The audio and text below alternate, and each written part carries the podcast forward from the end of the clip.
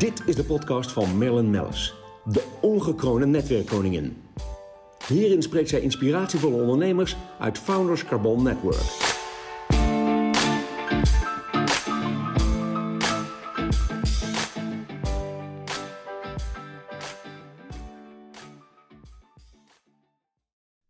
Podcast wordt mede mogelijk gemaakt door Blenheim Advocaten. Uh, goedemiddag, want ik heb hier uh, aan de telefoon, uh, deze keer op de podcast, uh, Alain Lelou van Cottonwood Tech Fund, partner. Um, Alain, ja, we hadden natuurlijk heel gezellig tegenover elkaar willen zitten.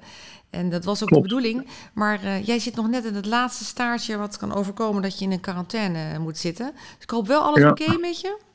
Ja, bij mij is alles goed. Maar uh, inderdaad een uh, besmette huisgenoot, dus dan moet je de regels opvolgen. Dus. Oh, pot, nou ja, dat doen we netjes. Maar goed, over de telefoon ook hartstikke gezellig. We hebben elkaar onlangs nog uh, getroffen. Ja, voor de luisteraars, wie is Alain? Misschien kan je gewoon maar even van wal steken. 25 jaar ervaring in wat allemaal? Ja, en, uh, en van alles nog wat. ik heb ook nog in de viruswereld gezeten trouwens. Dus, uh, voor, uh, dus best wel relevant nu natuurlijk met COVID-situatie. nee, ik heb een, van origine een technische achtergrond. Ik heb informatica gestudeerd en technische bedrijfskunde aan de Universiteit Twente. En daarna heel lang bij het uh, Pink Rokade gezeten. Dat was eerst Rijkscomputercentrum. Dat werd SSC, dat werd Rokade, dat werd Pink Rokade, dat werd uiteindelijk Getronics Pink Rokade. Uh, verantwoordelijk geweest voor een divisie van duizend medewerkers, meer dan 100 miljoen omzet. Ik kan de EBIT-getallen nog, uh, nog dromen. Uh, in 1999 nog een MBA gedaan. Ook nog verbonden geweest aan de Business School voor de vakgebieden Strategy en Marketing. wat dossierwerk gedaan. Ja. In 2002 opgetrommeld tijdens mijn corporate carrière om alvast wat start-ups te coachen in de regio Twente. Ja, toen werd je getriggerd. Ja, toen dacht ik wel van, hmm, dat is eigenlijk wel, uh, wel heel leuk en bijzonder. Ik had ook bij Pink Rokaan een bijnaam, dat was de enige echt ondernemer in loondienst. Dus er werden altijd grappen over gemaakt, zeg maar. Ja, leuk. En, en ik wilde al heel lang ondernemen, ik had geen idee wat. Dus ik ben maar uiteindelijk blijven zitten, blijven zitten. Ik heb er 13 jaar uh, gezeten en uiteindelijk ben ik opgetrommeld door een aantal uh, investeerders om in Twente een start-up te gaan leiden op het gebied van toevallig virussen. Dat was luchtsterilisatie. Nou, dat, dat bedrijf werd... heel hot. Ja. Ja, heel hot nu. Het bedrijf werd verkocht aan een Duitse multinational. En toen had ik twee keuzes. Of verhuizen naar Duitsland of uh, weer iets nieuws gaan doen. Ik had gekozen voor het laatste. Maar ik dacht van ja, corporate carrière zag ik toch niet meer zo zitten. Want dat ging toch allemaal uh, uh, wat, wat trager dan ik altijd wilde, zeg maar. Dus ja. ik had al een hoop gedoe intern. En ik denk, nou weet je wat, ik ga gewoon beginnen als business angel. Dus ik ben zelf in start-ups gaan investeren. En daarnaast ben ik gevraagd door Kennispark Twente om de spin-offs van de universiteit te coachen. Ja, dat is natuurlijk heel En dat zijn, uh, zijn start-ups op het gebied van robotics, uh, fotonica, uh, nanotechnologie, lab on a chip. heel interessant altijd ja, echte uitvinders die jarenlang onderzoek hebben gedaan tijdens een promotieonderzoek. Dat zijn meestal PhD's die vier jaar lang onderzoek doen. Ja, precies. En daar komt dan een uitvinding uit voort en een patent. En dat is ook vaak het startpunt waar we dan begonnen te coachen. Uh, dus dat deed ik part-time. Ik ben in 2010 ook gevraagd door de Europese Unie om een programma op te zetten voor uh, digital scale-ups. Uh, we hebben 40 coaches uiteindelijk aangetrokken en ik heb iets over 200 startups gecoacht in Parijs, Berlijn, Londen, Stockholm, Helsinki, Budapest, Madrid. Zoveel tegen, maar daar gaan we het zo even over. Ja, dat is heel leuk. Ja, daar kom je dan pas achteraf achter dat je een heel groot netwerk hebt opgebouwd. Dat heb je op dat moment niet in de gaten, zeg maar, als je aan het coachen bent. Ja, uh, ja en toen eind 2014 kwam Cottonwood als investeringsfonds naar Nederland. En die zochten een Nederlandse partner uh, met uh, footprint hier, zeg maar. Zo ben ik uh, bij Cottonwood terechtgekomen als partner. Nou, footprint helemaal helder. En dan denk ik nog even naar de locatie vanaf waar vandaan je belt. Je belt natuurlijk vanuit Twente. Ja, klopt. Ik, ik ben vanuit Amsterdam weer teruggekeerd naar het Twente. En we hebben ook kantoor hier tegenover de universiteit. Zodat we ja, letterlijk en figuurlijk de labs af kunnen struinen, nieuwe uitvindingen. Ja, en ik, ik heb gehoord dat je een hele waarschijnlijk een hele verdrietige buurman heb uh, nu Ajax uh, weer heeft verloren. Ja. dus het is wel weer leuk om naast zo iemand te wonen, naast de, hè, de coach. Um, ik zit even mhm. te kijken. Uh, ja, laten we het maar eventjes gaan starten. Ik, ik zie namelijk, hè, of ik zie, jij hebt natuurlijk verteld over, over de chemicals en de clean tech en de energy tech, waar je allemaal, waar je allemaal in zit. Maar wat ik al zei, in, in, um, in Twente zelf en, en tijdens het coachen van al die bedrijven internationaal je komt zoveel mensen en zoveel bedrijven tegen en ook bij de nieuwe start-ups. Ehm, kan je vertellen, je hebt natuurlijk ook een aantal successen al, uh, al gekend. Ja, dat zeker. Maar goed, we zien zo'n beetje 800 start per jaar, zeg maar. Die, die, ja, die lopen wel langs. interessant altijd, want dan zeggen mensen, hoe gaat dat dan? Zie je er dan 10 per jaar en er lukt er eentje? Ik zeg, nou ja... Nee, we zien er uh, 800 en daar maken we dan een schifting in, dan een stuk of 40 waar we echt, uh, op, op, uh, mee echt in gesprek gaan op induiken. Ja. En van die 40 gaan we gemiddeld in twee investeren. Ik was vorige week nog in Duitsland, in Dresden. En die club heeft een chip ontwikkeld die kan ruiken, die geuren kan herkennen. Nou, dit is natuurlijk En een van de toepassingen is bijvoorbeeld op lange termijn dat je smartphone zegt: jongens, de bananen beginnen nu op zijn eind te lopen, dat kan die dan ruiken. Ja, dus je moet, ze, je moet ze dag opeten, of anders zijn ze inderdaad overheid. Zeg ja, maar. Dat kan je bijvoorbeeld uh, koolmonoxide of brand. Ik bedoel, ik zeg maar. Ja, ja dat klopt. Nee, ja. maar dat is ook precies inderdaad de insteek. Dat de koolmonoxide-detectie uh, kan je dan bijvoorbeeld in je smartphone hebben. Maar ook voor heel veel industriële toepassingen is het heel waardevol dat, dat die chip kan ruiken. Dat is een heel ingewikkeld concept met smart nanotubes heet dat. Ja. En nanotechnologie, dus eigenlijk soort, uh, de geur komt er langs en dan afhankelijk van de type geur vervormt de, die nanodeeltjes zich. En dan kunnen ze eigenlijk zien als een soort footprint van, oh, dan is dat gas, zeg maar. Dus, uh, ja, dan is, dan is die banaan dus, gerijpt. Ja, maar dat, dat ja bijvoorbeeld, ja. Maar dit is natuurlijk voor de food-industrie. Dus dit is gigantisch voor de food-industrie, zoiets. Ja, klopt. Dat is echt interessant. Dus dat soort stadiums, ja, daar, daar gaan we mee in gesprek. En Meestal investeren we gemiddeld 1 tot 2 miljoen in de start-up. Ja. En van daaraf zijn we echt een soort van venture builders. Dus dan helpen we met het openen van deuren, het ophalen van vervolgkapitaal. Ja. En deze club heeft weinig commercieel management aan boord. Dus we zoeken, proberen de topman of topvrouw in de wereld te vinden die uh, in bepaalde sectoren veel uh, ervaring heeft en die proberen toe te voegen aan het team. Ja. En, dat is ook wel uh, jullie ja, kracht, hè? dat je inderdaad zegt, oké, okay, maar er moet dan wel een goed team op, omdat je ook weet dat je dan waar je in geïnvesteerd hebt, dat, ook, dat er ook wat uit gaat komen. Dan moet natuurlijk inderdaad, het hangt ontzettend af van de mensen die aan boord zitten. En je kunt niet altijd zelf op de bok. Nee, dat, uh, dat doen we. Ja, nou ja, dat we zelf, het interne grapje is: the first three years we have to babysit the company. Uh, maar dat vinden die staat ook niet zo leuk om te horen, zeg maar. Nee. Maar daar zitten we inderdaad toch redelijk uh, de bovenop en deels op de bok. Maar dat hou je ook geen tien jaar vol. Maar de eerste jaren zijn we daar heel uh, actief mee. En de reden waarom wij wat meer investeren in de eerste ronde is ook om goed een topmanagement vanaf het begin af aan uh, aan te trekken. Ja. En dat zijn uh, vooral vaak wat mensen met een hele hoop ervaring. We hebben dus komen start-ups tegen waarbij de founders 25, 26, 28 jaar zijn. Fantastische uitvindingen hebben gedaan, maar dat zijn niet dezelfde personen die het ook wereldwijd commercieel in de markt uh, kunnen, zetten. zetten. Kunnen uitrollen, nee precies. Nou, heerlijk. Klopt. Jullie zijn daar inderdaad een waanzinnige partner in. Ja, met ons, uh, wat we meestal zeggen is bij in marketing heb je de vier P's: hè, promotie, product, prijs, uh, plaats. En daarbij zeggen ons beginpunten zijn ook vier P's. Dat zijn uh, twee PhD's, dus twee onderzoekers, een pitch deck en een patent. Geweldig. En, oh, die, ja, maar daar begint het. Ja, en de meeste start-ups waar we investeren hebben nog geen omzet en geen klanten. Uh, en, maar dat is wel het beginpunt waar we beginnen. En waar, waarvan wij denken ook in die fase kun je nog rendement maken. Leuk, ja. Omdat we een uh, flink minderheidsaandeel nemen dan. Precies, precies. Hey, en en uh, ja, heb je nog andere leuke voorbeelden? Ik weet namelijk dat luisteraars altijd zeggen... God, heeft u nog voorbeelden? Wat is er dan succes geweest bij hem afgelopen jaar? Nou, we hebben een aantal jaren geleden in uh, Sarkos Robotics geïnvesteerd in Amerika. Dat is een exoskeleton robotpak, zeg maar, wat je eigenlijk kan aantrekken. Wat je eigenlijk, zeg maar, een soort superpower geeft. Uh, dan moet je je voorstellen dat als je een, een, een, uh, iets wil verplaatsen wat 200 kilo heeft, ja, dan heb je normaal een aantal mensen voor nodig. Dat kun je dan in je eentje kun je dat vervolgens verplaatsen. Dus je trekt een en dat, aan en dan, God, ja, is echt iets voor dan heb je de, ja, een soort super, superpower. ja. En, uh, dus dat, is voor fabrieken, voor, voor mensen... Ja, vooral voor fabrieksarbeiders, maar ook Delta Airlines in Amerika, die zijn nu overgestapt op die pakken voor de bagageafhandeling op de vliegvelden. Ja, slim. En die kwamen erachter dat het uiteindelijk vele malen sneller ging. Mensen hadden minder ziekteverzuim, geen rugklachten meer, want ja, al die koffers, een deel daarvan is altijd te zwaar, zeg maar. Wat zit er dan in zo'n pak? Ja, dat, dat is eigenlijk een soort pak wat je aan de buitenkant zit, zeg maar. Ja, je zult een fotootje hebben moeten zien, maar dat heet uh, Sarcos, S-A-R-C-O-S Robotics. Gaat opzoeken. En uh, dat, ja, dat, dat, je armen zitten eigenlijk in een pak en, en die, dat zijn eigenlijk dan je, jouw eigen armen geworden. Dus daarmee kun je dan, heb je dan de kracht om dat, uh, te verplaatsen, zeg maar. Geweldig. Ja, en dat bedrijf is nu net opgepikt door een SPAC voor 1,3 miljard dollar. Kijk. En daar zijn we ook heel vroeg in begonnen. Hebben we een hele mooie return opgemaakt. Uh, moeten we nog even wachten voordat het officieel op de Nasdaq gelanceerd wordt. Ja. En dan hebben we nog een lock-up en uh, dan twaalf maanden later dan kunnen onze investeerders, onze achterban, uh, hun return eruit halen. Netjes. Dit was ook die tent toch waar je over sprak toen ik naast je in het vliegtuig zat. Waar, zaten, waar gingen we eigenlijk naartoe? Ik ben het helemaal kwijt. Uh, ik weet niet, Tel Aviv misschien. Ja, dat was hem. Ja, god, was ook een leuke trip. Ja. ja, we, hebben, we hebben bij Founders Carbon Network toch wel leuke tripjes inderdaad, zo nu en dan. Dan kom je ook een beetje aan elkaar toe om bij te kletsen. Um, mm -hmm. Ja, wat ik ontzettend leuk vind, ja, robotics hebben we natuurlijk een beetje gehad ook. Uh, semiconductors, wat, wat, moet ik me daarbij voorstellen? Ik, ik, material ja, science.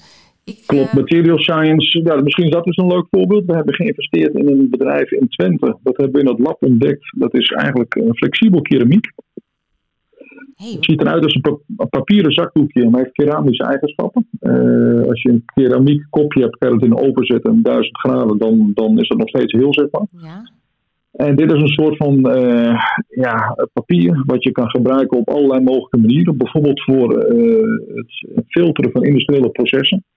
Stel je wilt in een uh, proces op uh, meer dan 1000 graden iets filteren, ja, dan zijn er allerlei dure filters voor. Filters gaan vaak kapot of die kunnen vaak maar tot 500 graden, dan moeten ze het eerst afkoelen. Hmm. En dit filter maakt het mogelijk om boven de 1000 tot 1200 graden uh, te filteren. Meer konden we zelf niet testen in dat lab. Nee. En je kan het gebruiken als battery separator. Tegenwoordig de, bijvoorbeeld de batterij in elektrische auto's, als die elektrische auto crasht, de, de brandweer durft niet meer te blussen wegens ontploffingsgevaar. Ja. Dus dan laat die Tesla's afzinken in een container met water en dan is het gebeurd, zeg maar. En dan denk ik, ja, het is toch ook bijzonder. Nou, met dit filter, of dit papier eigenlijk in de binnenkant van die batterij, kan die batterij niet meer ontploffen en ook niet meer oververhit raken. Nou, dus, dus, dus ik neem aan dat jullie een prachtige deal kunnen gaan maken met Tesla dan. Maar niet, dus, dat is niet de enige. Ik denk dat ja, dat, nee, klopt. maar dat, dat duurt best lang. En, ja, uh, want je, komt, je gaat bij bij corporates aanbellen met iets wat nog nooit eerder heeft bestaan, dat niemand kan. Want als je gaat aanbellen, is de eerste vraag: waarmee kan ik het vergelijken? Ja, dit bestaat niet. Oh, wat is het dan? Snap je? Ja, ja, ja, ja. Dus dan moet je samples opsturen. Dat is een hele lange RD-proces. We zijn nu met een club bezig voor de 5G-antennes. Want daar gaat zoveel data doorheen dat die 5G-antennes de mogelijkheid hebben om op doorbranden. En dan kunnen ze in ieder geval de hele binnenkant van die antennes uh, uitrusten en inpakken met dit uh, beschermen, zeg maar, om te voorkomen dat die ook oververhit raken. Ongelooflijk, ja. En, en deze club heeft net een rondje van 4,2 miljoen opgehaald. Ja. En uh, nou, dat is in ieder geval voor de eerste productlijn, zeg maar. En we verwachten over twee jaar een ronde te doen van 20 miljoen om zes productlijnen uit te, te gaan bouwen. Ja, mooi. En dan kunnen ze eindelijk echt produceren. Want tot nu toe konden ze alleen maar eersthands samples maken van 10 bij 10 centimeter. Mm-hmm. En dat is uiteindelijk gegroeid naar 80 bij 80. Uh, maar ja, de klanten willen gewoon rollen papier als het ware. Ja, dat konden ze niet produceren. Dus dat zijn nu professionele bedrijven bezig om die hele productlijn uh, op te gaan bouwen. Ja, god, maar interessant ook. Wat mij zo ontzettend leuk lijkt voor jou, en dat merk ik ook als ik met jou in gesprek ben, en ik hoor dat ook van andere mensen die jou goed kennen, dat echt er is zoveel waar jullie in investeren, maar zo'n zo'n enorme verscheidenheid. Ik weet het hoor, je, je, zit bijvoorbeeld niet in Agro, als ik me goed... Uh, uh, en nee, we zitten niet in... Niet, nee, klopt. Doet zoveel wel. Dus het is fantastisch om, uh, om je hierin in rond te waren. Je hebt gewoon de hele dag door wat anders aan je hoofd, lijkt mij. Ja, dat klopt. Ja. ja, dat is ook wel eens frustrerend. Want soms zie ik ook uitvindingen waar we dan niet in gaan investeren. Maar je gunt het de jongens en meisjes wel, zeg maar. Ja. Uh, of soms dan ben je gewoon als technologie-developer denk je, wauw, waanzinnig, maar dan past het niet helemaal bij ons. Uh, ik heb een, in, uh, in Finland een start-up gezien, die had behangpapier ontwikkeld. En als je dan de kamer binnenkwam, kon je met je iPhone op een knopje drukken. En dan binnen 30 seconden was de hele kamer verwarmd. Nee, love it. Maar dit zijn toch dus, geweldige dingen. Ja, ja dus we ja. komen ja, de meest leuke, waanzinnige dingen tegen. En ja, onze taak is om daar de mooiste dingen uit te filteren. Ja, en, en die, natuurlijk die commercieel gemaakt kunnen worden. En, uh, ja, uiteindelijk precies. Want we hebben maar één doelstelling, dat is uiteindelijk uh, proberen een heel groot bedrijf uh, van, te, uh, van te maken. En dan of een beursgang of een exit naar een, een corporate. Ja, want ik, ik hoorde jou net zeggen 5G. Ik zie ook inderdaad sensor technology zit je in, telecom zit je in. Um, en Photonics. Ja, klopt. We hebben in uh, Amsterdam in een uh, spin-off geïnvesteerd van de Vrije Universiteit, mm -hmm. OPNT. En als je kijkt naar bijvoorbeeld, tegenwoordig heb je het GPS-signaal, dat kennen we allemaal, dat draait de TomTom op, zeg maar. Precies. En dat zijn een paar satellieten die in de lucht hangen. Maar eigenlijk weet bijna niemand hoe afhankelijk we zijn geworden van GPS. in Noorwegen hebben ze meegemaakt dat er een paar Russische onderzeeërs voor de kust zaten. En uh, dus die hadden het idee, hé, hey, dat klopt iets niet. Maar ja, hoe krijgen die onderzeeërs boven? Dat is het GPS-signaal, even jammen. Zodat die onderzeeërs letterlijk vroeg de weg kwijtraken en omhoog kwamen. En, uh, dus die onderzeeërs die kwamen omhoog en die zeiden in Noorden, kijk, zie je wel dat je er was. Maar wat vervolgens gebeurde er nou in de binnenstad van Oslo, waar alle huisvrouwen de weg kwijt, want de TomTom werkte niet meer. Maar nog veel grotere ramp was dat uh, de energy grids, de energiecentrales, problemen hadden omdat de timing niet meer klopte. En ook uh, de financiële wereld, de, de bankensector, uh, gigantische problemen had omdat de time, timing was weggevallen. Maar je kunt dus dat niet zeg maar, heel gefocust op. Nee, er is niet echt een, is niet echt een alternatief voor. Je kunt met jammers dat jammen, zeg maar. En de Europese Unie is inmiddels wakker. Er is onlangs een journalist die heeft gepubliceerd dat als GPS-signaal uitvalt, dat de ramp wereldwijd groter is dan COVID. Ja. Dat is niet te overzien. Want voor stroom valt uit uh, en, en elke hele financiële sector. Je kunt geen timestamp meer naartoe voegen. Dus je kunt letterlijk zeg maar, een transactie kun je onderweg kapen. Zeg maar. Dus dan kun je zeg maar, eigenlijk uh, banktransacties of weet ik cryptotransacties zelf spelen. Zeg maar, als de tijd niet klopt. Precies, je doet alles. Uh... En deze club heeft dus iets ontwikkeld om dat op te lossen via het fibernetwerk. Zodat op een nanoseconde nauwkeurig de timing overal hetzelfde is. Ja, wat interessant jongen. Dat is toch fantastisch.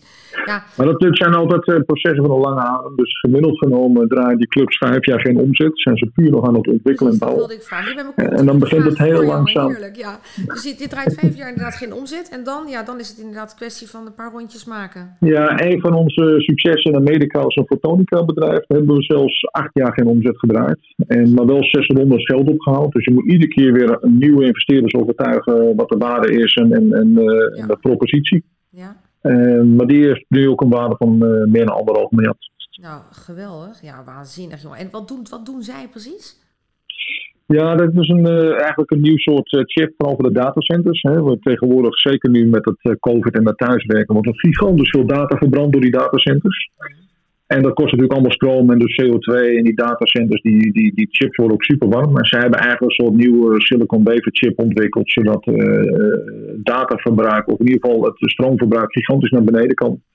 En ook de warmteontwikkeling lager is, ja, uh, tegen veel lagere kosten. Precies, want ik zie nu wat er gebeurt. Ja, die datacenters, ja, als je daar uh, ook in belegt, wel grappig, hè? dat kan dan tegenwoordig natuurlijk allemaal. Maar ik zie dat hier ook de datacenters uit de grond gestampt worden. Ja, en dan maar die vreet... Uh, jij ziet vandaan komen, dan denk ik, nou, nou, hoe gaat dat daar dan inderdaad met die warmte en die hitte? Ja. Hoe, hoe, vangen ze dat op? Ja, ja, dat, dat nadeel is dus nieuw. Ja, dat kan gereduceerd gaan worden. Ja, dat kan niet meer gereduceerd gaan worden, want de, de, de, de CO2-ontwikkeling alleen al op het gebied van, van data is gigantisch in de wereld. Ja. En dat moet echt een beetje stoppen, want het loopt echt uit de hand. Je ziet nu ook de keerzijde, dan heeft een bepaalde provincie weer een datacenter toegelaten, zeg maar. En dan zie je van, ja maar wacht eventjes, al die windmolens staan alleen maar voor het datacentrum uh, te, te, stampen, zeg maar. Ja. En, uh, dus, uh, dus het is heel belangrijk dat die datacenters zelf gewoon energiezuiniger worden. En daar draagt dit onder andere aan bij. Dus Ja. een aantal grote datacenters, maar ik mag de namen niet noemen, hebben ook Nee. contracten getekend. Ik begrijp het. Nee, nee, nee, we houden lekker ons mond. Eh, eens eventjes kijken. Ja, eh, ik zit nog te denken, ja, je zit natuurlijk heel veel in de US, je zit veel in Europa. Zit je ook in het Verre Oosten? Nee, nou, niet uh, om start-ups te screenen scouten. We investeren in principe alleen in Noord-Europa en het zuidwesten van de US. Uh, niet in Silicon Valley, want daar is alles overrated. Uh, Ja. dus dat, en overgewaardeerd heeft niet zoveel zin. Nee. We hebben wel hele goede netwerkpartners in Azië. Wat mij opvalt is dat heel veel investeerders nauwelijks daar contact hebben, terwijl er heel veel supergrote bedrijven daar zitten. We hebben een aantal netwerkpartners met wie we goed samenwerken. En uh, bijvoorbeeld de grootste batterijfabriek, nou, ik weet de naam niet eens meer, maar als je het vertelde, heb je er nooit van gehoord. Nee. En die zijn nu onder andere in gesprek met het bedrijf met de flexibel keramiek. En dat is via onze partners binnengebracht. Uh, en dat zijn clubs waar je gewoon niet van hoort. En dan ga je naar de market cap kijken en je, oké, okay, weet Ja, je wel, waarom kennen we die niet? Nee, ik zal nooit vergeten. Dat was eh, acht jaar geleden op eh, een van mijn handelsmissies in, eh, volgens mij was die presentatie in Shanghai of Hongkong. Ehm, maar toen kreeg we een presentatie van Ed Barzilai. En daarin stond gewoon van de tien uh, ja, grote cities over, nou nu dan tien jaar, die uh, de, de, ja, de, de, spelers worden in de markt, waren er negen uh, waren er in China gevestigd. Ja, klopt. Was ook... Ik, dacht, God, ik wist niet eens. Ja, het zal wel. Ja. ja. ja nee, maar nee, ik maak het, het, het grapje noem 30 corporates en er zit niet eens Chine Chinees bij, zeg maar. Terwijl ja. alle grote corporates zitten straks daar. Hè. Vroeger was ook de haven van Rotterdam de grootste ter wereld. Ja, die staan ook al misschien niet eens meer in de top 10 tegenwoordig. Nee, precies. Oh, God, nou enig. Nou, ik kan met je natuurlijk nog uren verder kletsen. Uh, we zeggen altijd, dit is een kwartier uh, podcast. We zitten al op 20 minuutjes. Nou ja, we gaan gewoon nog een keer een podcast doen volgend jaar. Want volgens mij heb je elk jaar ontzettend mooi nieuws. Maar ik, ik besluit altijd een beetje met God, heb jij tips voor ondernemers? Nou ja, in dit geval, in jouw geval natuurlijk voor startende ondernemers. Ja, kijk, ik, ik zie vaak startondernemers heel veel tijd verliezen aan, aan, aan waanzin, zeg maar. En allerlei formuliertjes, veel dingen. Je, ik, je moet, het belangrijkste is dat je gewoon niet je laat leiden door je mailbox, maar gewoon echt kijkt, want dat is nu echt belangrijk vandaag. Ja. En een top drie of vijf of tien lijstje maken, dit ga ik doen. En die mailbox gewoon uitzetten. Uh, want anders denk je eind gedacht, zo, het was, zat er weer op. Ik heb een hoop mails afgehandeld. Maar wat heb je nu echt gedaan, weet je? Dus, ja, uh, wat, uh, precies. En wat, wat, komt er van terecht? Nee, en wat is nou echt strategisch? Dus ja, klopt. Nee, maar je ziet dat vaak hoor bij bedrijven, überhaupt bij bedrijven, dat mensen helemaal verzanden in hun mailbox. En uh, ik heb dan nog altijd het devies en probeer ook even de telefoons nu nog te pakken. Dat gaat ook even wat sneller. Uh, dat, dat klopt, van, uh, zeker. Ja, de, de andere generaties, zeg maar, die, niet iedereen, niet in iedere generatie is dat standaard. Nee, leuk. God, Alain, ja, fantastisch. ik, uh, nou, je weet, ik volg jullie natuurlijk en we zien elkaar regelmatig bij onze meetings en events en mooie verbindingen maken met elkaar. En mag ik je ongelooflijk veel succes wensen weer met uh, waar je nu mee bezig bent. Ik weet dat er een paar dingen zijn waar je inderdaad niks over kan zeggen. Um, voor de mensen die geïnteresseerd zijn, uh, kunnen ze jou vinden uiteraard op LinkedIn, hè? Alain Lelou. En ja. uh, L-O-U-X. Ik denk dat dat, anders krijg ik weer allemaal vragen.